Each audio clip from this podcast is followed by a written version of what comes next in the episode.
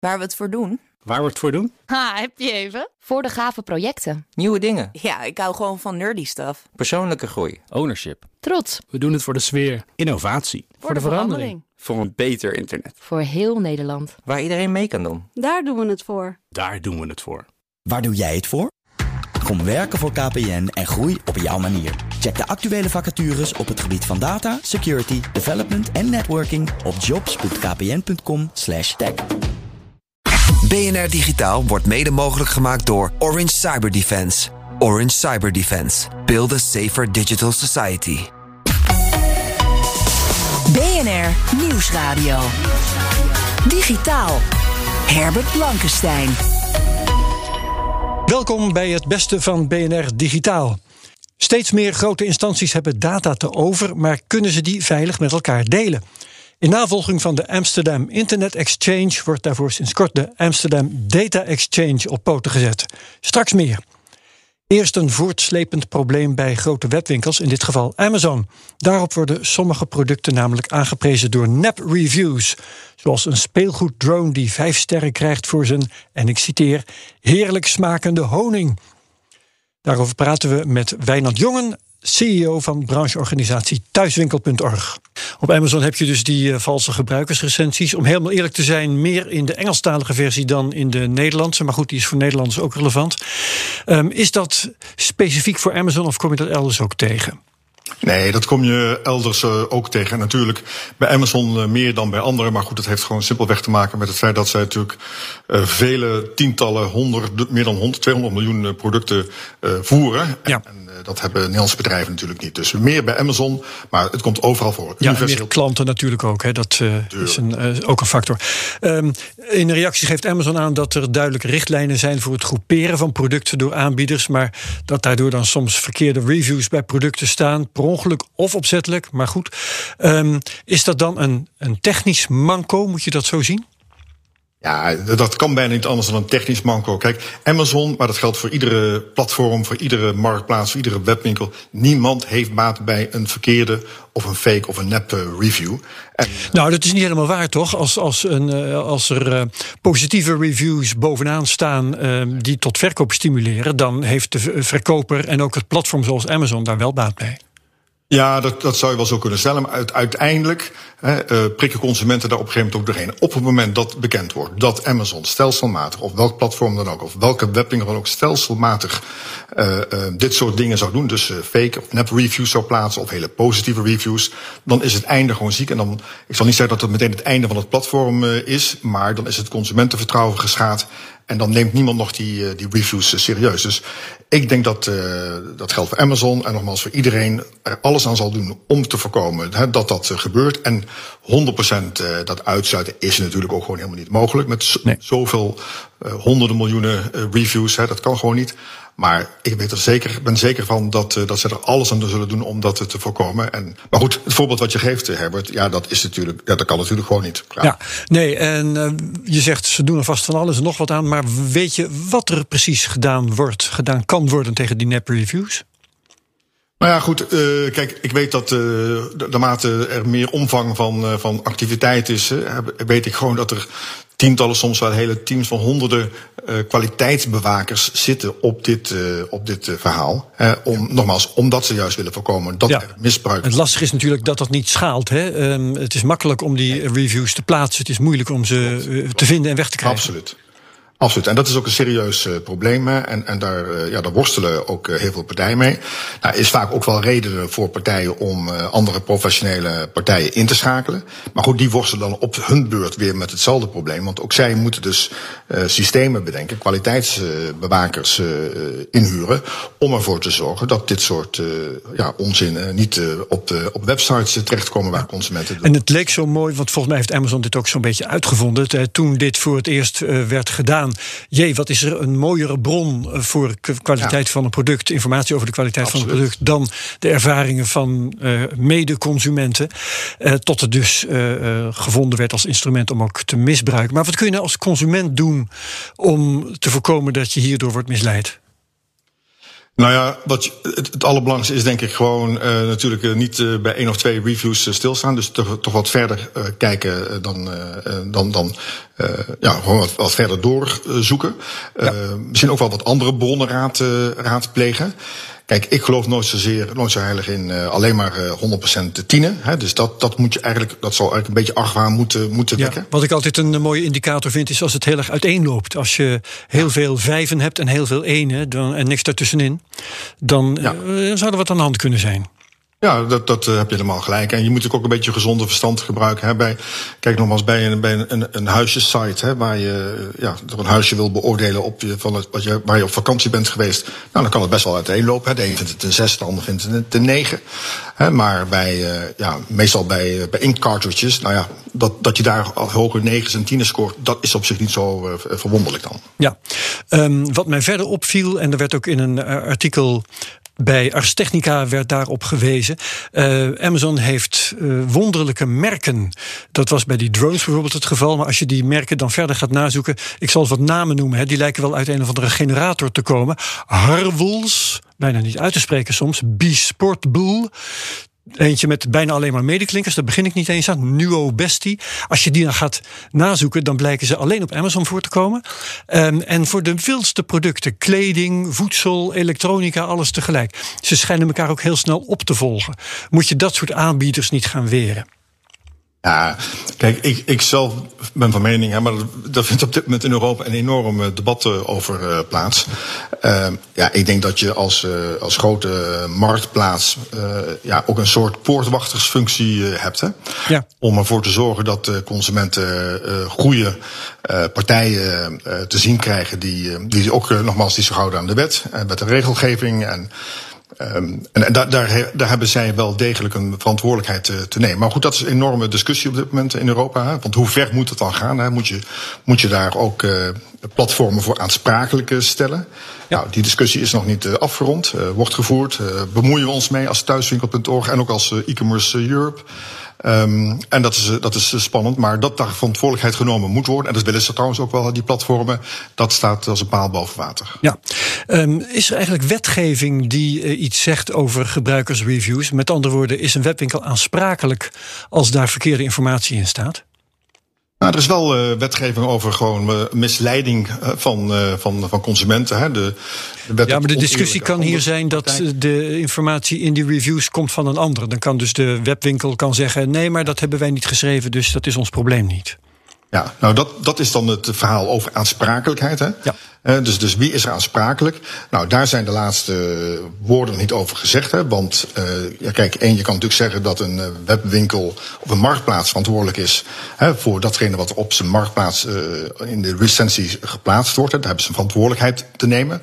Maar om van vervolgens te zeggen op basis van 100 recensies, hè, dat je voor iedere recensie ook door iedere recensie ook aansprakelijk gesteld kunt worden, dat is natuurlijk nog een enorme stap verder. Nou, daar zijn de meningen over verdeeld. Hè. Ik denk ja. dat dat uh, op dit moment één stap, uh, één brug te ver is. Dat gaat niet gebeuren, denk ik. Ja, um, ik heb me ook zitten afvragen toen ik over deze uitzending nadacht. Waarom doen we die reviews eigenlijk nog? Je weet toch niet of ze kloppen. Je moet ze met de korreltjes uit, je kunt ze niet serieus hebben. En op krantensites, op veel krantensites, kun je ook niet eens meer reacties achterlaten. Dat, dat hebben de kranten wel afgeleerd. Tenzij bij sommigen, als je gewoon inlogt als abonnee met je echte naam, kunnen ja. webwinkels daar niet ook toe overgaan. Nou, ik zou er best wel goed, uh, goed uh, idee en plan uh, vinden. Hè. Dus, dus kijk, een webwinkel heeft natuurlijk op zich ook wel de plicht om na te gaan of er een sprake is van een, van een authenticiteit van, van consumenten, of dat het wel echt klopt. Dus daar ligt wel degelijk een verantwoordelijkheid. Maar ja, ik denk dat consumenten uh, wijs genoeg zijn. Ik denk dat webwinkels die verantwoordelijkheid moeten nemen. En jouw suggestie, ja, uh, werk alleen maar met die consumenten die daadwerkelijk klant zijn. Hè, en en, ja. en weet dat mag die bewijzen. Nou, dat is een hele, hele goede suggestie. Ja, nou, neem dat mee zou ik zeggen. ik zal het meenemen. Ja, um, waar naartoe, dat zien we dan nog wel. Uh, maar verder nog, hè, um, over de artikelen die worden aangeboden door externe, waarbij dus de webwinkel als platform fungeert. Heeft de webwinkel dan enige verantwoordelijkheid voor de kwaliteit? Ik denk dan toch weer aan die, die drones die ik voorbij zag komen. Dat waren speelgoed, uh, hele goedkope speelgoeddrones. Die, uh, als je de reviews echt goed bekeek, uh, eigenlijk prullen waren. Ja, snel kapot en deden niet allemaal, zelfs vanuit, vanuit de doos, wat ze zouden moeten doen. Dus is het platform dan verantwoordelijk voor de kwaliteit van zo'n product? Um, nou, kijk, de, de, de dat is ook weer een goede vraag. Dat hangt allemaal een beetje tussen, tussen, tussen die verantwoordelijkheid en versus aansprakelijkheid. Hè? Ja. Um, ja, natuurlijk heeft een, eh, een, een platform daar verantwoordelijkheid uh, voor. Dat is, dat is evident. Hè? Want uh, het is een platform dat een uh, bepaalde product hè, online zet namens een, een, een webwinkel. Ja. Um, en ja, ook daar lopen de meningen over uiteen. Hè. Er zijn de voldoende cases al geweest hè, waarin ook een platform aansprakelijk wordt gesteld. Um, maar nogmaals, daar lopen de discussies op dit moment uiteen. Uh, Wat duidelijk is, dat waar dit nu nog niet geregeld is, gaat dit wel geregeld uh, worden in de komende maanden, de komende jaren, via alle, allerlei richtlijnen die op dit moment worden opgesteld in, in, Brussel. duidelijk is in ieder geval de richting waar dit uitgaat. Meer verantwoordelijkheid voor, voor platformen. Ze hebben een belangrijkere taak, um, meer verantwoordelijkheid te nemen. Um, maar nogmaals, de vraag uh, verantwoordelijkheid versus aansprakelijkheid. Die discussie die is nog niet gelopen. Ja, maar dat, uh, in, in, veel gevallen is dat je antwoord. Hè? Dus uh, heel goed om aan ja. de orde te stellen. En er is nog niet helemaal duidelijkheid over. Maar um, ja, binnen de komende maanden of jaren vind ik wel heel vaag. Wanneer nou, gaan we hier nou, nou nee, die duidelijkheid dat, krijgen? Ja, dat, dat is, dat, op dit moment uh, wordt er in uh, Brussel, hè, zijn de eerste voorstellen, hè, de eerste contouren van die richtlijn, die zijn uh, duidelijk. En er wordt gestreefd, doe het even uit mijn hoofd, omdat in 22 moet dat overal in heel Europa geïmplementeerd okay. zijn. Hè. Dus er liggen wel, dicht, wel degelijk, um, wordt daar op dit moment vaart achter gezet. Niet in de laatste plaats, omdat we dit ook, deze regels ook willen laten gelden voor websites van buiten Europa. Hè. Dus ook de Chinese webwinkels, hè, die ja. dat allemaal toe, af en toe wel allemaal wat niet zo nauw nemen. die moeten ook aan deze regels gewoon gaan voldoen. Absoluut. Ja. Oké, okay, mooi. Veel dank voor deze informatie. Wijnand Jongen, CEO van thuiswinkel.org. Herbert Blankenstein. Als organisaties grote hopen data willen uitwisselen, is daarvoor een veilig, onafhankelijk systeem nodig. Volgens de Amsterdam Economic Board en de Universiteit van Amsterdam is dat er nog niet. Dus hebben deze partijen net bekendgemaakt dat ze zelf bouwen aan Amdex, oftewel de Amsterdam Data Exchange. Bij mij in de uitzending is oprichter Willem Koeman van het Amsterdam Economic Board. Welkom Willem. Dag Herbert. Hallo. Um, je kunt bij Amdex straks aanbieden, afspraken maken, gelijk oversteken. Jullie hebben dus een soort marktplaats gemaakt voor big data? Ja, dat zou je, zo zou je het inderdaad kunnen noemen. Hè? Wat, uh, wat de Amdex mogelijk maakt, is dat, uh, dat partijen, organisaties rondom een thema of uitdaging, uh, waarop zij gezamenlijk data willen delen, een, een marktplaats kunnen organiseren. Maar vooral een marktplaats waarin zij zelf de voorwaarden bepalen waarop hun data toegankelijk wordt gemaakt voor elkaar. Ja. Um, en dat is er nu eigenlijk nog niet. Nee. En hoe komt het dat dat er nog niet is? Nou, als, we nu kijken naar de technieken die hiervoor nodig zijn, hè, dat is, dan hebben we bijvoorbeeld over een, nou, met, met dat moeilijke term Federated Analytics. En dat betekent eigenlijk dat je een, een algoritme langs uh, diverse databronnen laat gaan. Hè. Je kan het een beetje zien als een soort treintje. Die doet daar zijn analyse en die stuurt volgens de analyse terug. Hè, zonder dat jij de oorspronkelijke data inziet. En we zien dat die technieken die zijn nog vrij nieuw. Um, en tegelijkertijd zien we ook dat de, de, de huidige businessmodellen eigenlijk opgericht zijn om zoveel mogelijk data binnen de hekken van één grote digitale aanbieder te krijgen. Dat is waar op dit moment het geld aan wordt verdiend. Een model om data lokaal te houden en de eigenaar van die data zeggenschap te geven over de voorwaarden waarop die data toegankelijk wil stellen, dat is nog een uh, ja, wat ondergeschoven kindje. Ja, ja. Um, als ik nou een bedrijf ben en ik heb data, waar moet ik dan om te beginnen eigenlijk aan denken? Uh, data over klanten of data over producten? Wat, wat is nou representatief? Nou, het is, het is uh, kijk, voor ons maakt het type data niet, zo, niet zozeer uit. Hè. Het, is, het is een infrastructuur, het is een techniek die ervoor zorgt dat de data zelf uh, veilig en verantwoord kan worden gedeeld. We staan vrij neutraal ten opzichte van het type dat data dat erin zit. Maar waar we wel mee gaan beginnen is voornamelijk data, dus business data, data vanuit organisaties die gedeeld moeten worden. Hè. Ja. Een, een voorbeeld van een case -hmm. die, die, ik wellicht kan geven is, is er eentje uit de luchtvaart. Ehm, wat, daar, wat we daar zien is dat diverse maatschappijen heel veel data verzamelen van hun vliegtuigen, hè, de, de sensoren die erin zitten. Daarmee kan je in principe heel goed je onderhoud plannen. Uh, hè, uh, wat er nu gebeurt is het onderhoud vaak gebeurt door vliegtuigen een x aantal uur de loods in te jagen en vervolgens verder te laten vliegen. Dat kan je slimmer doen. Alleen heeft geen enkele organisatie die, uh, die data voor zichzelf. Dus die zullen die, die data van andere luchtvaartmaatschappijen met, moeten gaan gebruiken. Hè? Want niemand vliegt overal op de wereld. Niemand heeft precies genoeg vliegtuigen om die analyses goed te kunnen maken. Nou, ja. hoe doe je dat dan? Hè? En uh, zijn luchtvaartmaatschappijen dan bereid die met elkaar te delen? Want je geeft de concurrentie toch uh, informatie die, ja, uh, die, waarmee de concurrentie het jou weer lastig kan maken.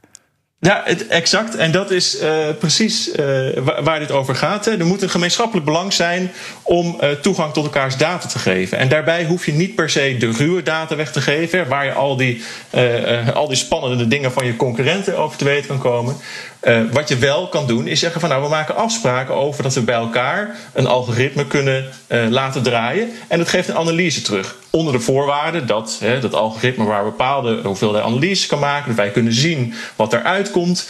Um, en dat je dus controle hebt over welk type data wordt gedeeld. Zodat je wel het gemeenschappelijk belang uh, uh, dat je daar kan gaan werken zonder dat je gelijk je concurrentiepositie ondergraaft. Ja. Nou, dat, is een, dat is een spel en, en, en dat kan, maar het heeft wel wat, uh, wat aandacht nodig. Maar goed, dat is een interessant voorbeeld, de luchtvaart. Want wat zou het probleem dan precies zijn? ik neem toch aan dat luchtvaartmaatschappijen elkaar zonder een Amdex ook wel kunnen vinden.